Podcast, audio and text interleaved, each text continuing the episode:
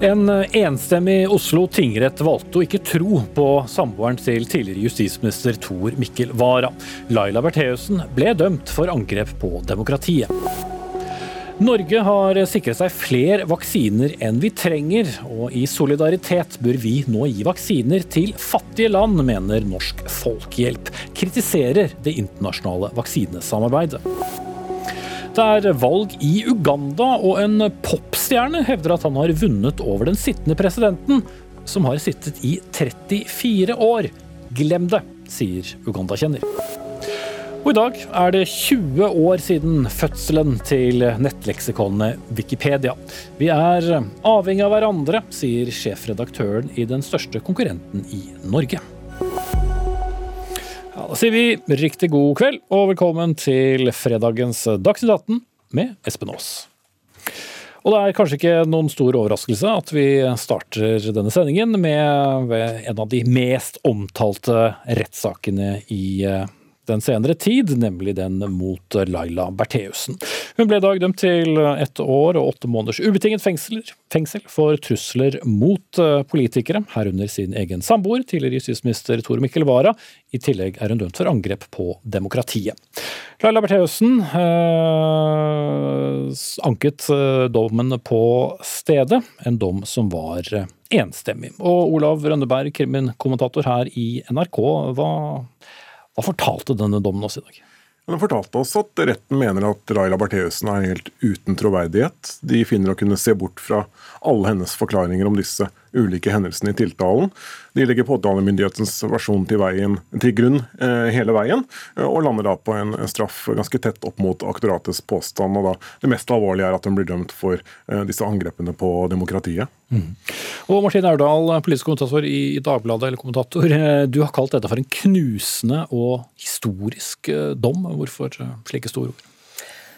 For det første så er jo dette en helt ekstraordinær sak som vi ikke har sett maken til. Det er jo en eh, sak der hvor eh, Bertheussen, ut fra det nå denne dommen eh, eh, mener, er jo at eh, hun har iscenesatt alle disse truslene og angrepene, skadeverkene og eh, brannpåsettelsene for å ramme en uskyldig tredjepart, nemlig menneskene bak teaterstykket 'Ways of Seeing' på Blackbox. Og dette har hun gjort både ved å gå ut i offentligheten, men også da med disse kriminelle handlingene. Og hun har jo langt på vei lyktes. Hun har lyktes lykkes i å få Oslo Frp til å eh, stille forslag i bystyret om å kutte den økonomiske støtten til eh, teatret. Ingvild Mines Tybring-Gjedde skal få fulgt dette fra regjeringsnivå. Eh, og Erna Solberg har jo da toppet det hele med å dagen før Bertheussen ble pågrepet, også selv gå ut mot eh, denne teatergruppen. og Det er, understreker virkelig den skjeve maktbalansen overfor denne friteatergruppen, som jo da har vært utsatt for grove trusler, uh, har dels bodd på hemmelig adresse og har altså vært også hardt rammet av det, som har skjedd. Mm. Og Derfor har det jo også vært en viss oppmerksomhet fra flere som mener at statsministeren bør beklage dette nå. Ja, det bør hun jo absolutt. Altså, hun burde jo for det første aldri ha sagt det, men holdt seg til den linja som daværende kulturminister Trine Skei Grande risset opp, med at politikere skal holde seg på en armlengdes avstand når det gjelder å styre innholdet i kunsten, og i dette tilfellet på teaterscenen. Og så har Solberg hatt mange anledninger til å gå tilbake på og beklage det hun har eh, sagt, og nå er det en ny anledning, kan vi si, med denne dommen. Mm. Dagsnytt 18 tok kontakt med statsministerens kontor og har fått følgende svar. Dette er en sak av stor offentlig interesse, men det er ikke naturlig at statsministeren kommenterer en dom som ikke er rettskraftig, ifølge statssekretær Rune Alstadsæter. Han fortsetter. I 2019 sa statsministeren at det ikke var riktig for henne å spekulere hvem som sto bak hendelsene rundt huset til Tor Mikkel Wara. Hun viste også til at politikerne må tåle å stå i fokus og få kjeft, men at det oppleves som verre når stedet vi bor og familiene våre trekkes inn. Det kan bidra til at det blir tøffere å være politikere. Disse formuleringene krever ingen beklagelse, sier Alsasæter. Så er det sagt, så skal vi tilbake til retten. Det var jo mange detaljer og en lang opplesning i retten, eh, Olav Rønneberg. Og du har skrevet om dette i dag og sier at eh, retten her må ha sett helt bort fra Bertheussens egen forklaring for å komme frem til dette resultatet. Så det betyr at eh, all argumentasjonen fra forsvarer Elden falt på stengrunn? Ja, Både fra forsvarerelden og ikke minst fra den tiltalte selv. Det retten gjør, er jo å se på uh, indisierekken, eller, eller, rekken av bevis, om du vil. Indisier er jo også bevis. Ta f.eks. trusselbrevene.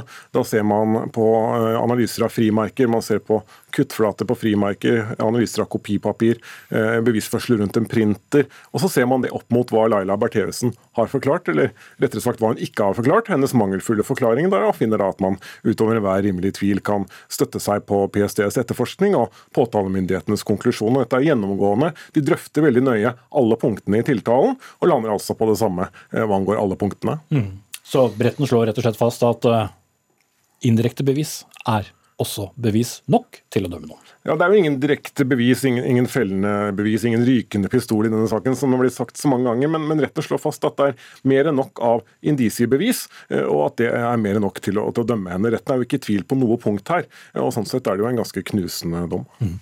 Og La oss gå litt på alvorlighetsgraden også, Martin Aurdal, for det var jo knyttet mye spenning til bruken av paragraf 115, som da handler om angrep på de høyeste statsorganenes virksomhet. Eh, hva forklarte den oss eh, om, alvorlighetsgraden i, i dommen her? Det var jo um, Det er jo denne paragrafen som gjør at dommen blir såpass streng. Og den brukes jo, som du sier, utelukkende når det er angrep på våre aller fremste eh, politikere, når det er medlemmer av regjeringen, og i dette tilfellet da i tillegg også en eh, stortingsrepresentant som blir utsatt for eh, angrep eller trusler.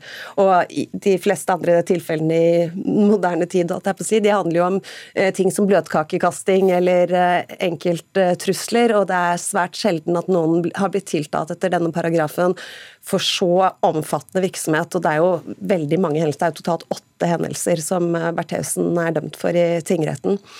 Eh, så har jo hennes forsvarere argumentert for at om hun så skulle dømmes, eh, eller bli kjent skyldig i de faktiske hendelsene, så burde hun likevel ikke bli dømt etter denne paragrafen, fordi at hun mente jo ikke først og fremst å ramme disse politikerne, men da dette teatret, og at den intensjonen burde tilsi at ikke disse truslene egentlig skulle være skremmende mot, uh, mot de fornærmede i saken. Og så har jo kanskje spesielt uh, Ingvild Smines Tybring-Gjedde fortalt på veldig sterkt og sårbart vis i retten om hvor redd hun ble, og om hvordan hun og hennes ektemann Christian Tybring-Gjedde endret sine bevegelser, ikke turte å kjøre sin egen bil uten å ligge på alle fire og undersøke undersiden av den først, ikke tok samme vei til jobb eh, to dager på rad, også avlyste arrangementer. Og det er jo deres forståelse, kan du si, at, eh, som retten har lagt til grunn når de har gitt henne en av de strengeste straffene for denne paragrafen i eh, moderne tid. Mm. Så hørte vi at Tor Mikkel Wara forklare i retten at han ikke mente at han ble hindret i sin gjerning. Mm. Men, men, det mener retten. Med minst ett tilfelle at uh, f.eks. bilen hans ble, ble, utsatt for hærverk, og den ble gjort slik at han ikke kunne kjøre med den. Det var en, en hindring av hans gjerning, som statsråd mener retten. Så uh, de går jo hardere til verks her enn det Wara selv mener. Så slik sett var det da altså to statsråder og én folkevalgt eh, som, som, dette gjaldt. Men la oss gå på eh, straffen her, eh, Olav Rønneberg. For påtalemyndigheten mente den samlede strafferammen i ytterste konsekvens kunne være på 16 års fengsel. Aktor la påstand om en fengselsstraff på to år, og så landet de da på ett år og åtte måneder. Retten begrunner ikke veldig hvorfor de akkurat har havnet på ett år og åtte måneder, men de ser jo de tidligere rettspraksisaktor tok jo utgangspunkt i denne dommen mot eh, Mohildin Mohammed, islamisten som ble dømt for trusler mot Abid Raja. Han fikk to år og seks måneder. Aktoratet i denne saken ba om to år. Retten har gått noe ned der. De mener at, eh, at vår sak for å kalle det det, ikke helt kan sammenlignes med, med den trusselsaken mot Raja. Men likevel så finner de jo da en rekke skjerpende omstendigheter, gjentatte tilfeller av alvorlige trusler, eh, at hun gjorde alt dette for å ramme teateret og teaterstykket 'Ways of Seeing', at hun fortsatte å utføre nye handlinger og, og faktisk sendte nye forsendelser, mener retten, helt opp til hovedforhandling. Og, og da at hun også både rammet både Ingvild Smines til Bringede og sin egen mann. og Retten sier til slutt i straffeutmålingen at de finner ingen formildende omstendigheter i det hele tatt. Slutten av første akt, Martin Aurdal, det var overskriften på din uh, kommentar som uh, ble publisert allerede i går. Som allerede nevnt et par anledninger, hun har anket. Hva mer kan vi vente oss i andre akt? Ja, Man skal jo alltid være forsiktig med å spå med resultatet i rettssaker, men det føltes som en ganske trygg påstand at det kom til å bli en anke i denne saken uansett utfallet i tingretten. Og Bertheussen benyttet jo da sin mulighet til å anke på stedet. Hun sa hun var sjokkert. Og jeg vil tro også at sjansen for å få eh, medhold i ankeutvalget er veldig god, at vi får en full reprise på denne saken. og Muligens utvidelse av denne saken, for det er jo flere punkter her som fremdeles blir etterforsket av politiet. Og sånn sett en kanskje enda mer omfattende rettssak i lagmannsretten enn det vi har vært vitne til gjennom seks-sju uker i Oslo tingrett. Mm. Vi skal straks snakke mer om den anken, men jeg sier takk til dere to, Martin Aurdal fra Dagbladet og NRKs egen Olav Rønneberg. For eh, selv om eh, Bertheussen altså anket på stedet, så er det altså slik at eh, en lovendring fra i fjor gjør at man ikke lenger har rett til en ankesak, selv om strafferammen, altså ikke hva man faktisk er dømt for, men strafferammen er på over seks år. Man må nemlig henvende seg til lagmannsrettens ankeutvalg. Og Rune Bård Hansen, du er lagdommer i Agder lagmannsrett. Hva er det forsvarerne da må gjøre?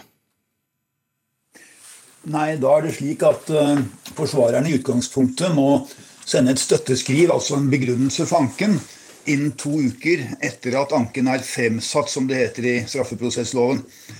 Uh, så de må da begrunne anken uh, så godt at de da håper det kan overbevise de tre dommerne i ankeutvalget i Borgarting lagmannsrett om at det ikke er slik at anken klart ikke vil føre fram. Og Hvordan kan da et eh, komplisert bevisbilde påvirke utfallet i dette ankeutvalget? Ja, jeg kan jo nevne også da først at uh, To uker er jo veldig kort tid, og påtalemyndigheten eller retten kan forlenge fristen. Jeg vil tro at forsvarerne her får lengre tid enn to uker. Um, nei, det er jo slik at en del saker er jo for så vidt enkle å vurdere. ikke sant? En er tatt i tollen med 10 kilo amfetamin og sier at han visste ikke at det var i kofferten. Det er kanskje i mange tilfeller ikke så vanskelig å begrunne hvis den ikke klart ikke vil føre fram. Når du har en sak som dette med et uh, veldig omfattende faktum og et omfattende bevisbilde Jeg har jo ikke fulgt saken og kjenner den ikke i detalj, jeg vet ikke hvor komplisert bevisbildet er. men Saken er jo omfattende, og det skal foretas en ny reell prøving. Så hvis man skal nekte den fremmed, så må de tre dommerne i ankeutvalget finne at de kan foreta en ny reell prøving av saken uten da ny full ankeforhandling. Og Det vil jo innebære at selve silingsprosessen er relativt omfattende og vil nok ta noe tid. Mm. Marius Ditriksson, leder av forsvarergruppen i Advokatforeningen.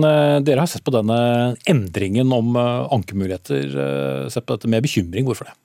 Ja, Dette er en eh, lovendring som eh, kom på plass i fjor, og den har vi eh, argumentert mot. Men den gikk dessverre gjennom av ulike grunner, som vi sikkert kommer tilbake til etterpå.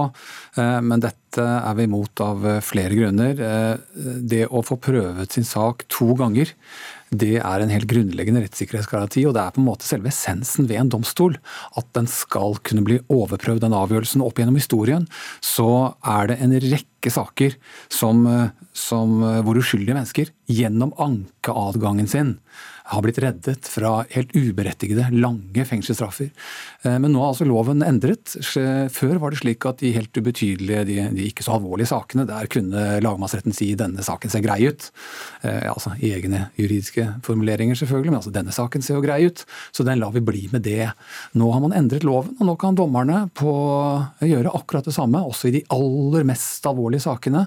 Fra drapssakene til denne saken her, så kan man si at nei, denne saken ser helt grei ut.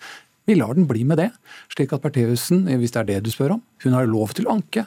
Men om det blir en rettssak, om hun noen gang får lov til å sette føttene sine i en rettssal, det er noe helt annet. Mm, det vet vi ikke. Eh, nå har jo dette ikke vart så lenge som eh, vi har eh, vært innom, men noen erfaringer har dere vel rukket å gjøre det? Ja, vi har gjort oss den erfaring først at når lovforslaget ble fremmet, så uttrykte lagmannsretten at dette er en adgang de ikke trodde de ville bruke de alvorlige sakene. I nevneverdig grad. Men det vi ser eh, gjennom det året som har gått, er jo altså at 37 eh, av sakene de har blitt nektet fremmet. og Det betyr altså at saken har funnet sin avgjørelse i førsteinstans, eh, og ikke ikke, eh, og at vedkommende som er domfelt, har blitt nektet en lagmannsrettssak. Mm. Og, og, Hvis du skal sammenligne det med det du sa i sted om at noen saker ble på en måte avgjort eh, der og da uh, uten å, å, gå videre, altså hvor mange saker altså Er, er det dermed veldig fl mange flere saker som nå da avvises? Ja, det er, det, er stort, det er, en stor andel saker som avvises. og Vi har tidligere kunnet levd med det, for det er de, si, de litt små sakene som det har vært. Og så har systemet vært slik at de alvorlige sakene, der har man en ubetinget ankerett. Men nå har man altså eh, likebehandlet eh, de to kompleksene, slik at, eh, og dessverre dratt i retning av de ubetydelige sakene, for å si det litt enkelt. Slik at også de alvorlige sakene de skal nå behandles på denne måten. At man må få aksept fra lagmannsretten for å få en behandling der. og Dette er jo noe vi har vært imot. Ikke bare et alvorlig anslag mot rettssikkerhet, men jeg må også si at dette er et alvorlig anslag mot legdommerordningen. Ok. Uh, Hansen, er du like bekymret for eh, rettssikkerheten som Didriksson? Ja, jeg eh, det er, jo interessant, syns jeg, det som nå kom fram, som var nytt for meg. Det ble sagt her fra Didriksson at 37% av de sakene med strafferamme over seks år, altså de vi snakker om her, og som denne saken er en del av, blir nektet fremmet. Jeg kan jo nevne at tidligere så var det slik at det var jo bare de mindre alvorlige sakene som kunne nektes fremmet. Og, og tidligere så ble da mellom ca. 7-28 og 40% av de sakene nektet fremmet. Eh, og det viser jo i hvert fall at eh, en mindre prosent av de mest alvorlige sakene blir nektet. Og Det er jo også for så vidt naturlig, i og med at bevisbildet ofte er mer komplisert. Og når det er gitt en veldig streng straff, eller saken eller straffebud som er veldig ille å bli dømt for, altså seksuelle overgrep, grov vold osv., så, videre, så så vil nok dommerne være mindre streng i sin prøving og finne at det er mindre klart at det ikke vil føre fram en anke i flere av de mest alvorlige sakene. Eh, jeg skal ikke konkludere, men eh, jeg ser Dietrichsons eh, poenger og, og, prøver å ha det med meg i min gjerning i ankeutvalget når jeg sitter der. Mm. Dietrichson, hva ville vært en bedre løsning? Det gamle systemet? Bare gå tilbake til det? Ja, Det gamle systemet ville helt vært, uh, klart vært en, en, god løsning, i den forstand at da hadde siktet en ubetinget uh, ankerett. For slik som det er nå, så har man nå brutt opp en tusenårig tradisjon i Norge om at legfolk hele veien, i alle instanser, Eh, bortsett fra Høyesterett, da, selvfølgelig, skal avgjøre saken. Vanlige folk skal være med på å avgjøre sakene. En tusenårig tradisjon. Slik som det er nå, så vil altså et stort antall av sakene bli avgjort i lagmannsrettens ja, si øverste etasje av noen eh, fagdommere, eh, hvor de uten å høre tiltalte, uten å høre vitner, ved å lese politidokumentene, lese anken og dommen, eh, konkluderer med at eh, der kan saken stanse, og det er den endelige avgjørelsen tiltalte får. Så dette er en, et, et, brudd på en tusenårig tradisjon om at legfolk må inn. Og jeg minner jo om at allerede har legdommerordningen er under sterkt press ved at, eh, ved at regjeringen nå har opp, fått opphevet juryordningen. I lagmannsretten skulle jo vanlige folk avgjøre disse sakene. De er nå tatt ut til fordel for at fagdommerne sammen med vanlige folk skal gjøre det. Og nå har de også... La oss ikke ta hele den også. Der, men, men Rune Bård Hansen, er det ingen ankemulighet hvis uh, da anken uh, avvises i en så tidlig rettsinstans som dette? Jo, det er det. Man kan anke til Høyesterett over saksbehandlingen. og, og den ankemuligheten rekker noe lenger enn man skulle tro. F.eks. så kan Høyesterett finne at lagmannsretten har ikke svart opp forsvarers innvendinger mot tingrettsdommen på en fyllestgjørende nok måte, slik at man kan si at her var ikke denne nektelsen av å ta anken til behandling godt nok begrunnet, og da oppheve den begrunnelsen som er påanket. Så, så, så, for det er jo slik at eh, Jeg syns kanskje Didriksson er litt hard i klypa her. altså for eh, Det skal være helt klart at eh, lagmannsrettens ankeutvalg har foretatt en reell prøving. og Da må man også besvare alle de spørsmål og bemerkninger og, og kritikk og påstander som kommer i, i forsvarernes eh, støtteskriv, og som det er forsvarernes plikt og jobb å skrive. De må svares opp. og Hvis lagdommerne føler at her har vi egentlig et lite problem, for dette kan vi ikke se er besvart i dommen, ja da er det bare én løsning, og det må være å henvise saken. Hvis ikke så risikerer man at Høyesterett opphever beslutningen om å nekte dette, og, den kommer tilbake til lagmannsretten for en ny runde. Mm. Det er vanskelig å be en jurist om det, men kan du svare kort på det til slutt? Ja, helt kort og bare la meg få si 37 det var for alle sakene. Og så må jeg si at selv om lagmannsretten har adgang til å si nei, så kan de la være. Og spesielt da i spesielle saker. Som her, lite praksis på området. La oss høre den en gang til. Mm. Ja, Vi får i hvert fall vente på ankeutvalget. Takk til eh, Marius Didriksson, leder av forsvarergruppen i Advokatforeningen, og til Rune Bård Hansen, lagdommer i Agder lagmannsrett.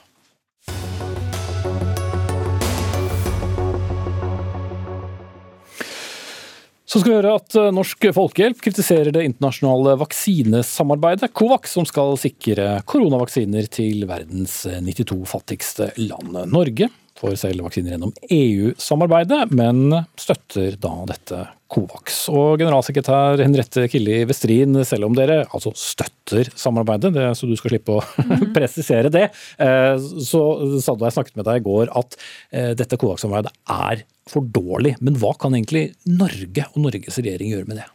Jeg tror det er viktig å starte med å få liksom den erkjennelsen av hvor dundrende urettferdig vaksinefordelinga er i dag. Det er altså sånn at De 14% rikeste i verden har fått tilgang til 50% av verdens vaksiner.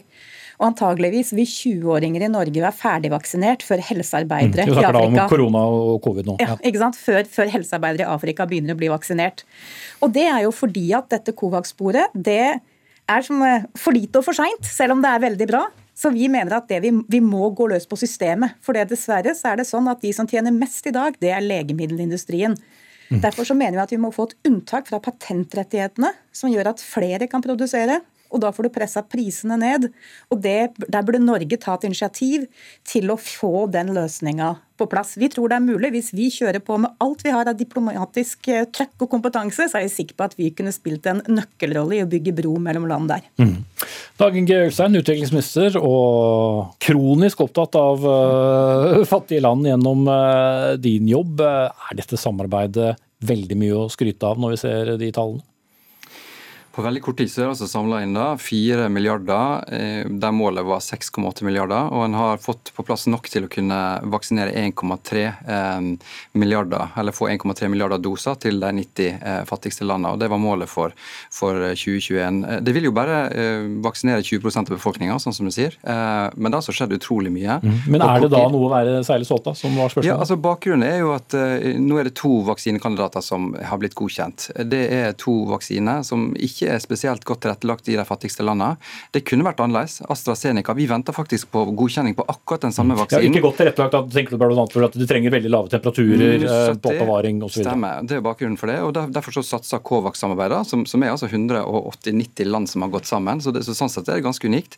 Eh, men da har en venta på det. og Storproduksjonen av den vaksinen vil komme mellom mars og juni. Um, og Jeg skulle jo virkelig gjerne sett at mange av utviklingslandene eh, hadde fått tilgang til tidligere, at AstraZeneca-vaksinen og en del av det andre som var satsa på gjennom Covax-arbeidet, eh, lå lenger framme. Sånn er ikke det. Men så må vi jo huske på at Jo, men bare, for å stoppe deg eh, i den eh, lange forklaringen der. Det du egentlig sier, la gå, dette er ikke så bra, men det er det beste vi har. Absolutt. Eh, jeg skulle virkelig, og jeg må bare si at jeg er jo utrolig bekymra. Og, og, det handler jo om at eh, mange av de fattigste landene som ikke har eh, muligheten til å finansiere eller gå som bilaterale, altså egne avtaler, det er helt prisgitt at en sånn global mekanisme som Covaxen faktisk fungerer. Hva skulle da vært gjort igjen ved striden, hvis du skal drive litt voksenopplæring på, på Ulstein sett fra ditt ståsted? Vi har hatt noen suksesshistorier tidligere. Vi har fått unntak fra patentrettighetene når det gjaldt produksjon av hiv medisiner. Det var det som har gjort at du nå har hatt for jevn tilgang på hiv-medisiner i Afrika. Og jeg mener at er, Vi må erkjenne at dette er en så svær global krise at Norge burde gå eh, til WTO, til eh, TRIPS, og, og si at her ligger et forslag til hvordan vi kan skape et unntak. Mm. Og, det med at lokale produsenter da skal få lov til å produsere eh, vaksinen som da de store legemiddelfirmaene som vi hører navnet på hver dag, ja. eh, har eneretten på. Og, og for Poenget som Ulstein sier at nei, AstraZeneca-vaksinen er ikke godkjent enda.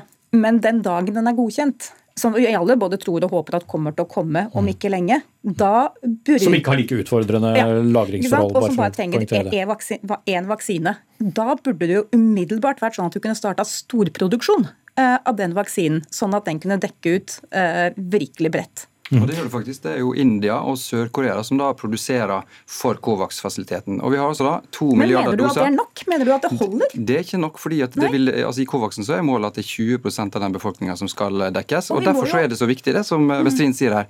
Og det faktisk utfordrer Jeg må si at eh, legemiddelindustrien, forskere, har jo hatt enormt gode resultat på kort tid eh, gjennom at vi har kommet dit vi har gjort i dag. Og gjennom at rikere land har investert, tatt risikoen for mye av den utviklinga. Og så har det vært litt tilfeldig hvilke av de vaksinekandidatene som kom først. Mm. Men nå må de samme legemiddelindustrien ta ansvar. Nettopp fordi vi må ha åpenhet i eh, kontraktene. Vi må sørge for at vi har åpen pris, altså Avtalene må vise hvor mange doser og hva prisen er på det. Vi må sørge for at de ikke har profitt på de fattigste landene, på lavinntektslandene. Og så må vi sørge for at de deler informasjon og kunnskap, slik at andre selskap og andre land kan starte produksjon. Mm. Men det er faktisk slik at det er ikke andre fabrikker som står klar. De er ikke godkjent. Og vi vil jo at det skal være både WHO-godkjent eh, og EU-godkjent, slik at vi ikke får A- og B-vaksine. Og Det er derfor vi må skaffe flere godkjente produksjonsenheter, og da må vi sikre at vi åpner opp for at flere eh, kan produsere, og starte den prosessen.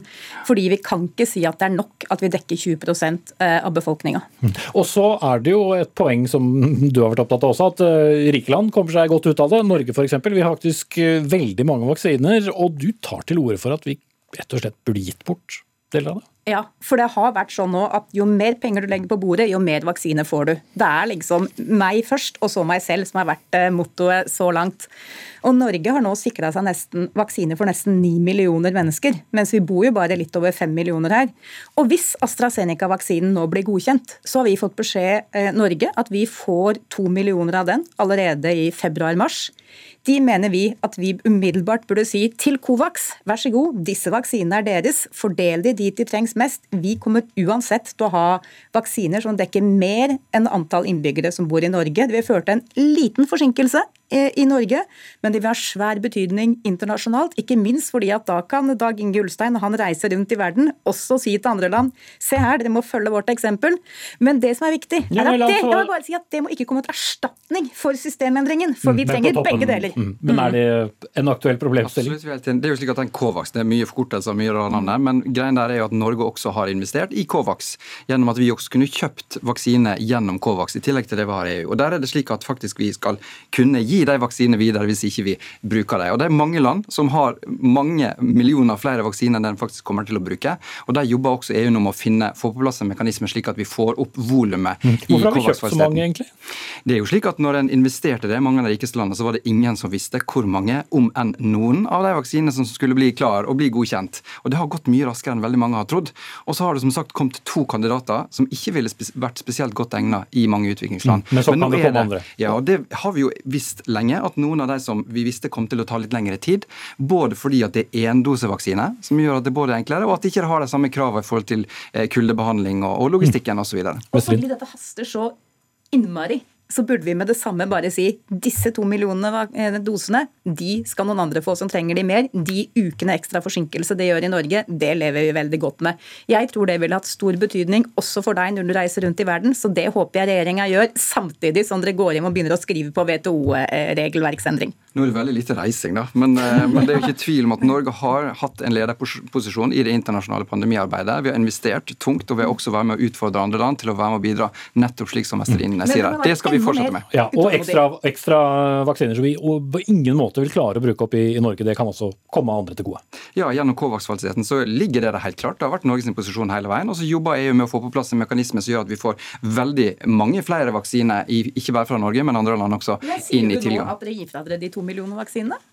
Det er to millioner vaksiner. De har ikke kommet ennå. så de kan Nei, ikke ta stilling til det. Hvis de kommer i februar-mars, vi vet at de kommer hvis de blir godkjent. Så mm. dere kan si nå Du kan svare på det. Samtalen vil bli teipet. Mm. Ja, samtalen blir teipet. Vi får se hva som blir godkjent. Og så vil Norge komme til å være med bidra også i fortsettelsen. Det er iallfall helt klart. Mm. Dag Inge Gustein, utviklingsminister fra KrF og generalsekretær i Norsk Folkehjelp, Henriette Kili Westrin, takk skal dere ha.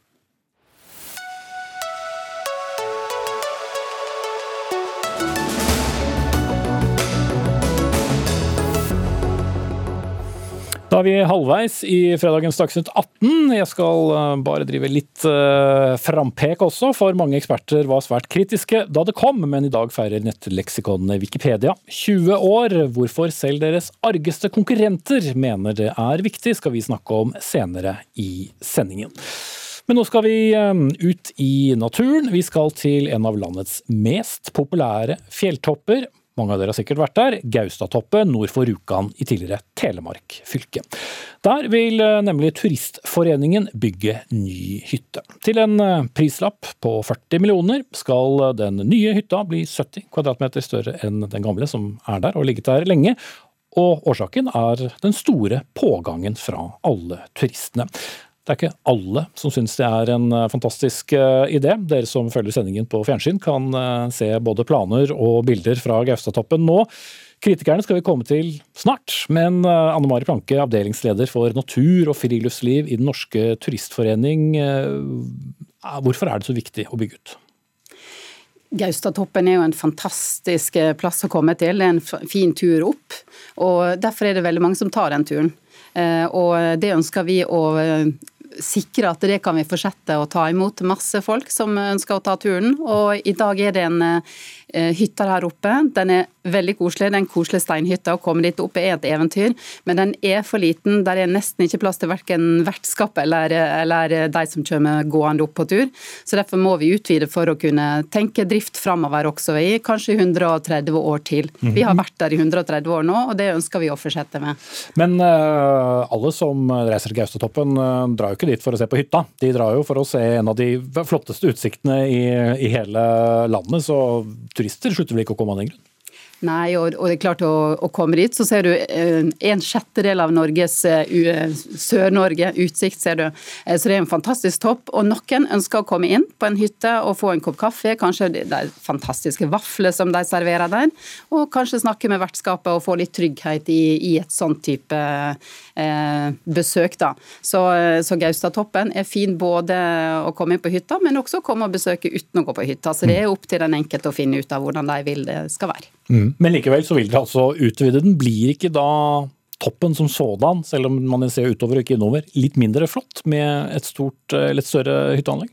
Gaustatoppen er, er, jo en veldig spesiell topp, eh, og den har jo en utrolig stor, eh, mektig historie også med at vi har vært der i 130 år. Men der, har, der er jo en Gaustabane som har vært der siden Det var ikke historikken jeg lurte på, det var eh, utvidelsen? Ja, men det at vi får det at vi kan utvide den hytta, det gjør jo at vi kan ta imot flere folk. Og det, mm. det har okay. vi veldig tro på at det er en riktig vei å gå, da. Da er det poengtert. Benedicte Næss, du er varaordfører i Tokke kommune for Miljøpartiet De Grønne, også stortingskandidat til høstens valg. Du mener snarere at denne utbyggingen kan forstyrre hele naturopplevelsen, du. Hvordan da? Ja, jeg må jo starte med å erkjenne at dette ikke er et urørt fjell. Så vi ser jo behovet for å kunne gjøre visse tilrettelegginger, sånn som det allerede har vært snakket om her. Jeg har jo selv sittet i turisthytta der som sild i tønne og ventet på vafler. Eh, så det at det er behov for noen utbedringer både for personalet og de besøkende, det, det kan vi skjønne. Men, men. Uh, ja, men. Nå kommer men. MDG mener jo at vi må være veldig forsiktige, og vi synes vi ser en økende trend nå i Norge til at vi vil liksom bygge og sette opp installasjoner rundt omkring ved vår mest spektakulære natur. Det kan jo være bruer, trapper, tårn osv. Mm. Men nå snakker du generelt, hvis vi, hvis vi, går tilbake til eh, nærområdet, altså eh, Gaustatoppen. Hva er det vi tåler av utbygging hvis vi skal holde oss til den, da? Det kan jeg nok ikke gi et eh, definitivt svar på her og nå. Dette er jo planer som vi er nødt til å se nærmere på. Men det er jo to ulike prosjekter som har kommet opp på bordet nå. Og i sum så ser det veldig voldsomt ut. Mm. Og Det andre handler da uh, om uh, å modernisere den banen som er der, sånn at man kan slippe mm. å gå, gå, hele veien. Men nå er ikke noen initiativtakere til den her, for uh, DNT har da kun ansvaret for hytta. Men kunst, kunsthistoriker Tommy Sørbø, du har skrevet en ytring om denne utbyggingen. og For å sitere ingressen derfra, du mener denne oppgraderingen er kort og godt helt bak mål? Ja, jeg er redd at jo mer vi gjør eh, Gaustatoppen tilgjengelig, jo mer gjør vi den utilgjengelig. Det er det som er det paradoksale, fordi veldig mange som drar opp dit, søker det majestetiske. Vi søker opplevelsen av storhet, velde, av noe vi ikke kan få alle andre steder på TV, i virtual reality, i sånne kick som man stadig kan eh, få teknologisk eller på, gjennom media eller på annen måte.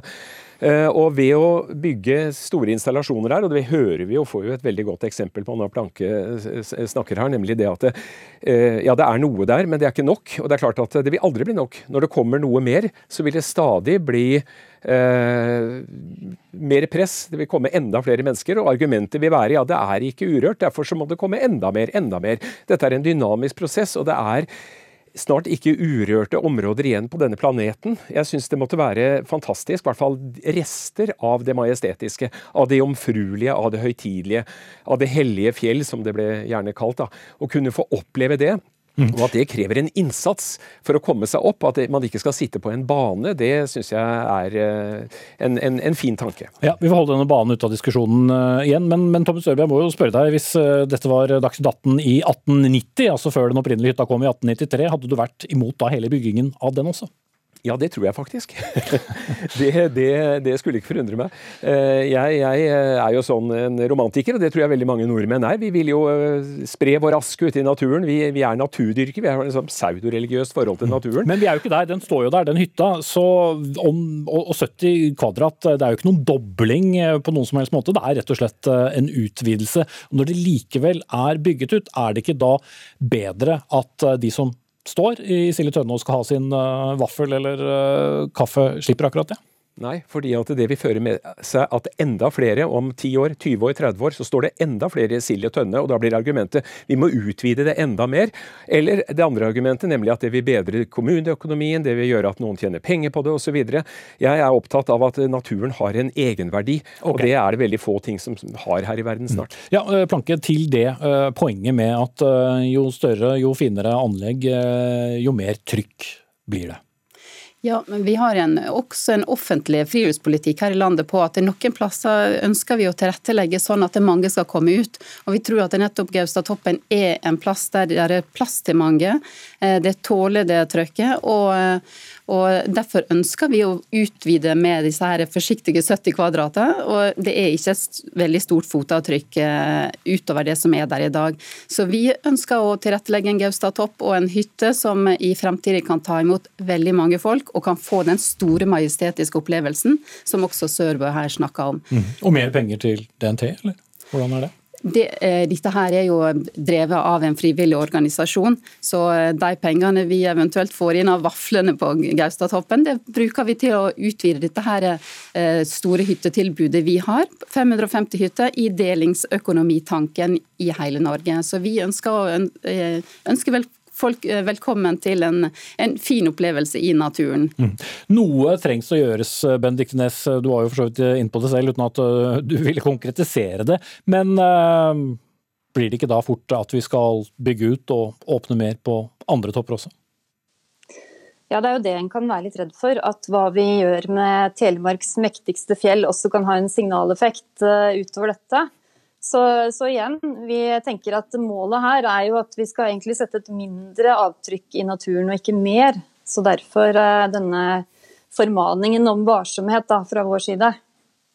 Og Thomas Sørbø, det er rundt 100 000 besøkende på Gaustatoppen eh, i året. Da en, eh, en, utbygging på 70 kvadrat på eksisterende anlegg, gjør det så mye for det området? Det er jo stappende fullt på mange helger uansett. Ja da, jeg forstår argumentet, og, og, men 70 kvadratmeter i dag, det blir kanskje 140 nye i morgen, og i overmorgen så er det enda mer. Og er det noe vi trenger i dag, så er det eh, hva skal jeg si, ensomhet og det å oppleve at noe eh, Altså den følelsen av eh, noe majestetisk og høytidelig, og at ikke alt er likt overalt.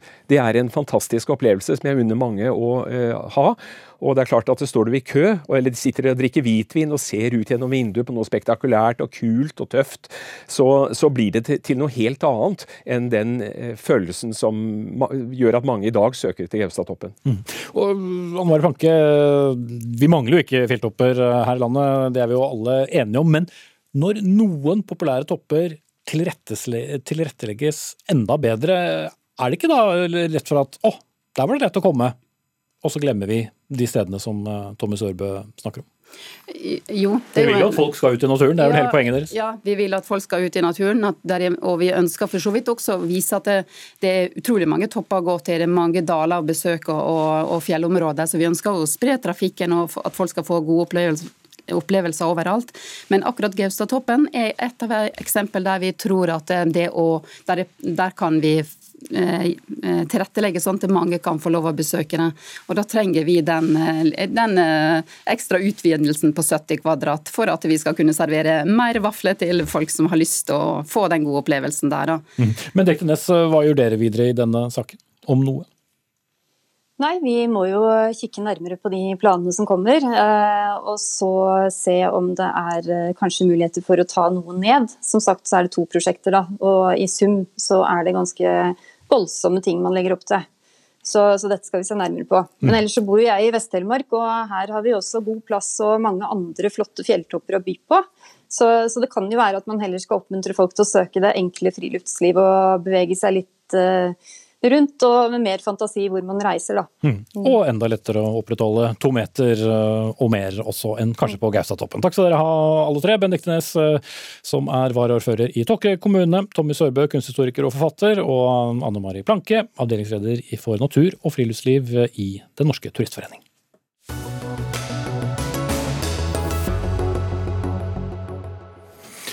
Da skal det handle om valg, det gjør det jo for så vidt ganske ofte her i Dagsnytt 18, men dit vi nå skal er det en god stund siden vi har vært. For i går var det valg i Uganda, dette østafrikanske landet som eh, har hatt samme president, Jovere Museveni, i 34 år, og som har også nytt godt av norske bistandsmidler siden frigjøringen fra Storbritannia på begynnelsen av 60-tallet valg ja, med samme president i 34 år. Astrid Scharning Huitfeldt, du kjenner dette landet godt, bl.a. fra ditt arbeid gjennom AUFs program for demokratiutvikling. Hva slags valg er det egentlig som har pågått?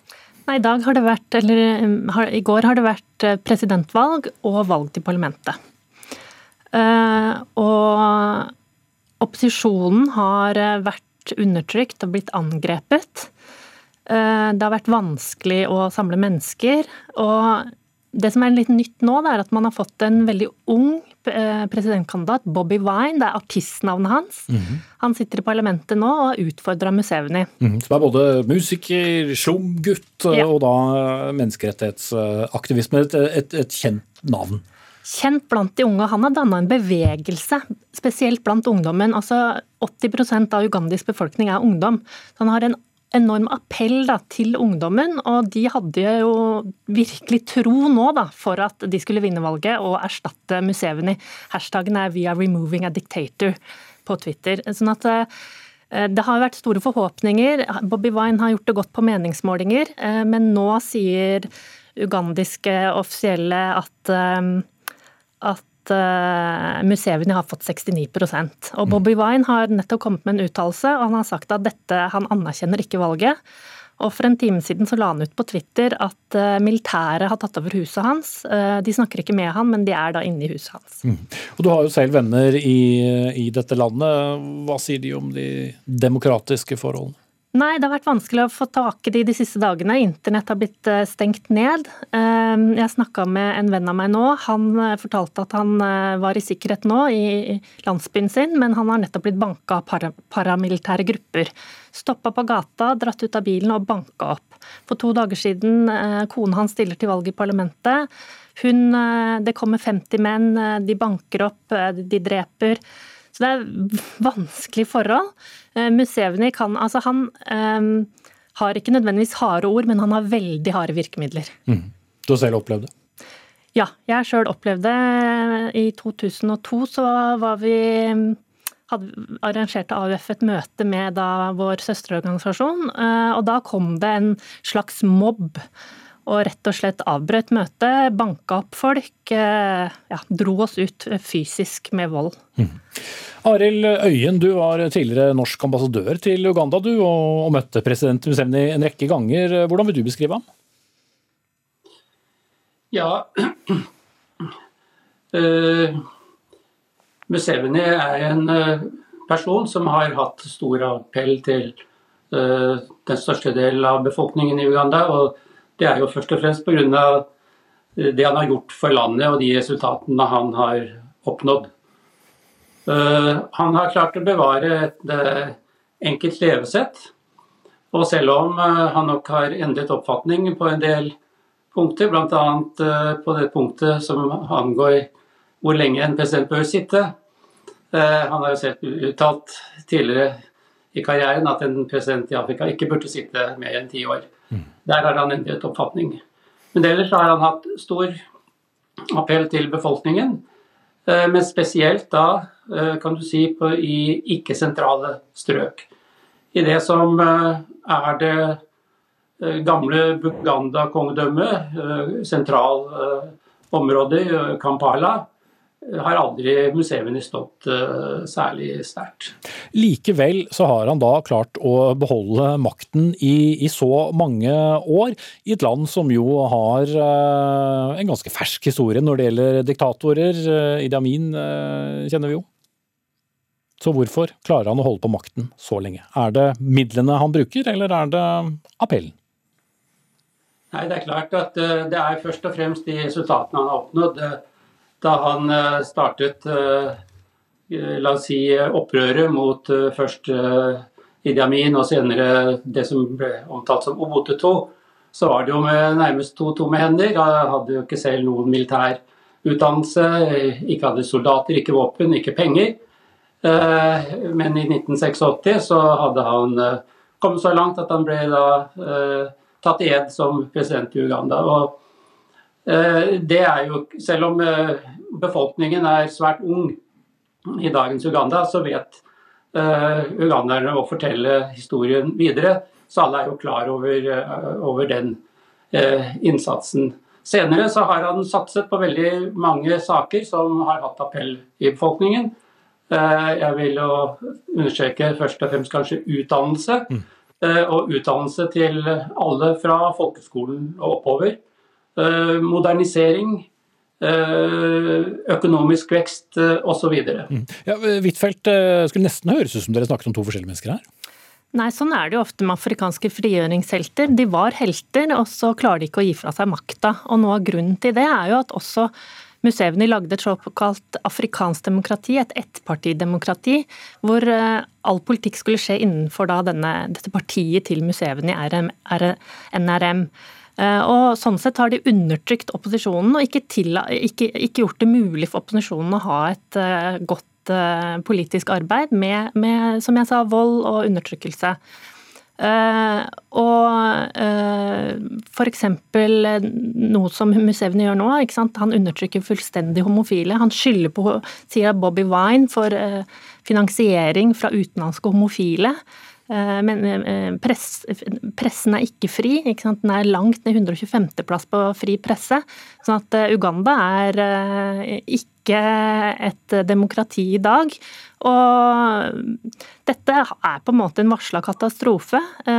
Norge og Utenriksdepartementet, norske myndigheter, sto og mm, var fascinert da, av Museveni og måten han, hans politiske styresett Resultatet ser vi i dag med, med, en person som ikke gir fra seg makta. Han er også veldig gammel og har, går nå inn i sin sjette presidentperiode. Mm. Deg til å vurdere de tingene som Huitfeldt uh, trekker fram her. Uh, Arild Øyen, så du noe til det med dine egne øyne da du var det? Nei, men det er jo lenge siden jeg avsluttet uh, min tjeneste i Uganda i, i, 2001, men jeg har jo vært tilbake en god del ganger. det er ikke noe tvil om at det har skjedd ting i de siste par årene som ikke skjedde tidligere. Eh, men eh, som sagt eh, Vi må se litt på historien. Det var jo at da museene tok over, så hadde han en veldig vanskelig oppgave å balansere maktforholdene mellom det gamle kongedømmet Buganda og la oss si, resten av landet som kanskje var 60, 60 Så det har vært eh, Det var ikke slik at ikke det var konflikter og, og, bruk av vold i de områdene før, eh, lenge før eh, europeerne kom dit, ja. og for gjennom årene. Men det har vært store konflikter som man har klart å, å komme ut av, slik at befolkningen har beholdt ham. Mm. Men Er det noe særlig press, Huitfeldt? Det er jo ikke akkurat noen demokratiske fyrtårn som ligger rundt landet heller. Kongo, Rwanda, Sør-Sudan? Nei, altså det, det, er det ikke. Altså nå var det eh, De amerikanske valgobservatørene eh, fikk ikke akkreditering, så de fikk ikke lov til å komme inn i, i landet. Eh, så, så det, er ikke, det, er ikke, det er vanskelig å vite nå i hvilken grad valgfusk har skjedd. Men det er helt åpenbart det fortelles om at stemmer har blitt stjålet, urner som ikke har vært forsegla, valglokaler som ikke er åpne. Eh, valget er ridd, du ser det foran øynene dine, fortalte min venn. Mm. Setter strek der, så får vi se hvordan det går med både opptelling eh, og eh, annonsering av det endelige resultat. Takk til Astrid Skjarning Huitfeldt, tidligere hjelpearbeider og med AFs arbeid for demokratisering av Uganda, og tidligere ambassadør til Uganda, Arild Øyen.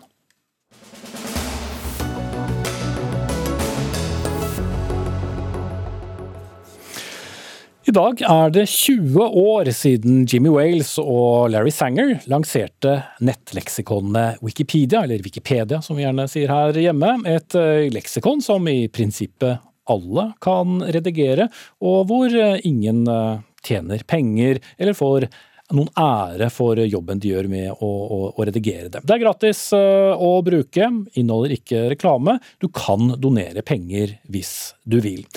Mange var skeptiske til denne formen for brukerstyrt oppslagsverk da det kom. En av dem sitter her i studio, Erik Solheim, journalist og teknologirådgiver, det som heter NRK Beta. Hva tenkte du første gangen du hørte om dette? Jeg husker det godt det var en kollega som kom bort til meg i 1998 var det vel, og spurte om har du hørt om den nye teknologien som kalles for Viki. Det er nettsider hvor alle som besøker det, også kan redigere siden. Og jeg tenkte at det er det mest idiotiske jeg har hørt. For det, de nettsidene må jo bli søppel etter et par sekunder, hvis alle som kan editere det, eh, og alle som kommer inn, kan editere.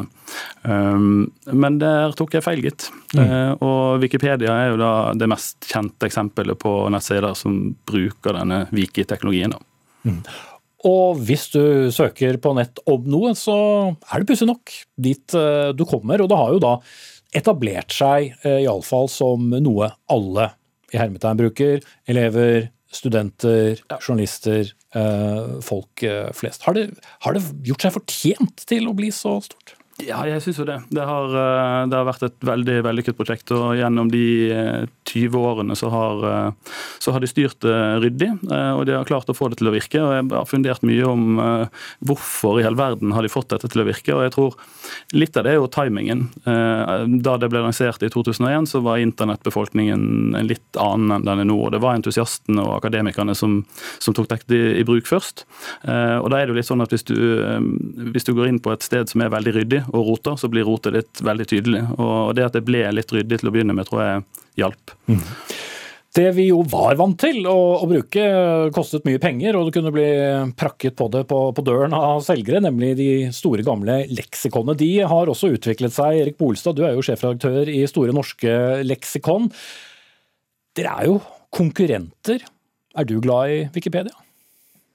Jeg er veldig glad i Wikipedia, og jeg har lyst til å ønske Wikipedia gratulerer med dagen av hele mitt hjerte. Um, jeg brukte masse tid på Wikipedia selv. Um, men når bruker du Wikipedia istedenfor å gå i Store norske, som du selv er redaktør for? Altså, hva, hva, er forskjellen, hva er fordelen for eksempel, med Wikipedia, hvis du skal eh, være raus? Altså, Store norsk leksikon skrives av eksperter som er forskere og professorer. og Det betyr at vi er gode på sånn kompliserte temaer som medisin, og religion og historie. Um, mens Wikipedia er nok, hvert fall norske er bedre enn oss på kanskje spesielt populærkultur og geografi.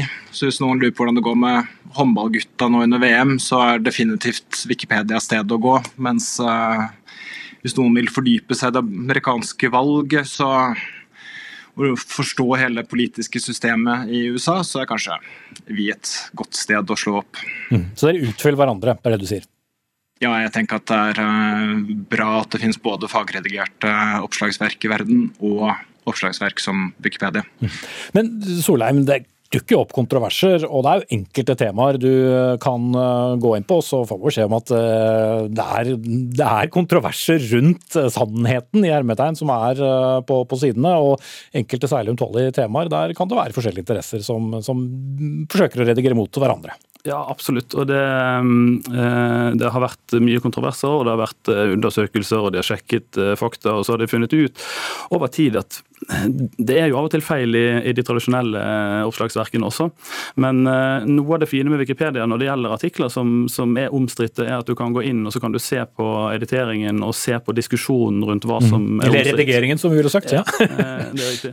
Og, og, det hjelper jo litt. Og så er jo rådet uansett å, å dobbeltsjekke litt. og Derfor er det jo helt nydelig at vi har eh, Store norske også her i Norge, eh, sånn at man kan av og til dobbeltsjekke.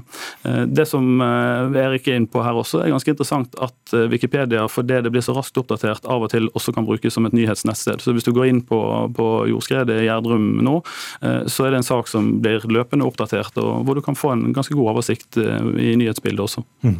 Men Bolstad, dere som tilhørte de gamle dinosaurene av eh, leksika. Hva har egentlig Wikipedia hatt å si for, eh, for dere? Nei, Vi er jo 114 år i, i, år. Det er 114 år siden første papirutgave kom ut. Vi skal nok aldri gi ut noen papirbøker igjen. I fjor hadde vi faktisk 20-årsjubileum for nettversjonen uh, vår. Det kokte litt bort i um, det verste ståket i begynnelsen av pandemien. Eh, og, og, har da eh, egentlig tvunget også dere til å, å fornye dere. Nytter ikke å komme med CD-rommer engang eh, nå. Nå må alt gjøres ganske likt som Wikipedia, det som mange ble vant til. Ja, vi er også helt åpne for at hvem som helst kan foreslå å gjøre endringer i Store norske, på lik linje med Wikipedia. Men hos oss blir alt sjekka av en fagekspert eller en redaktør før, før publisering. Og det gjør selvfølgelig at ting går litt saktere. Um, og vi har også mindre innhold og færre oppslagsord. Men jeg tenker at det er jo en god miks å ha både disse fagredigerte gamle oppslagsverkene, sånn som oss, og uh, nykommere som uh, Wikipedia. Selv om det er litt 20 år gamle dyst å kalle en nykommer. Eh, kort til slutt, Eirik Solheim. Vi er i en tid hvor den som vil ha etablert sin sannhet, er gjerne den som roper høyest, og roper mye. Blir de 20 neste årene like suksessfulle? Jeg håper det, for det er jo slik at Wikipedia er jo viktigere enn noensinne når vi ser på måten en del av disse andre store nettstedene forvalter informasjon. og eh, jeg håper at vi ser Wikipedia vokse, og er der om 20 år også. Mm. Og Så kan dere faktisk finne stoff om Dagsnytt 18 på Wikipedia også, bl.a. listen over alle som har vært programledere, og kanskje kan du gå i nå og finne ut eh, hvilken tidligere stortingsrepresentant som har ledet det programmet. Dag Dørum var ansvarlig for eh, dagens eh, sending. Hilde Tosterud tok seg av det tekniske i dag. Jeg heter Espen Aas, og vi er tilbake igjen over helgen. Takk for nå.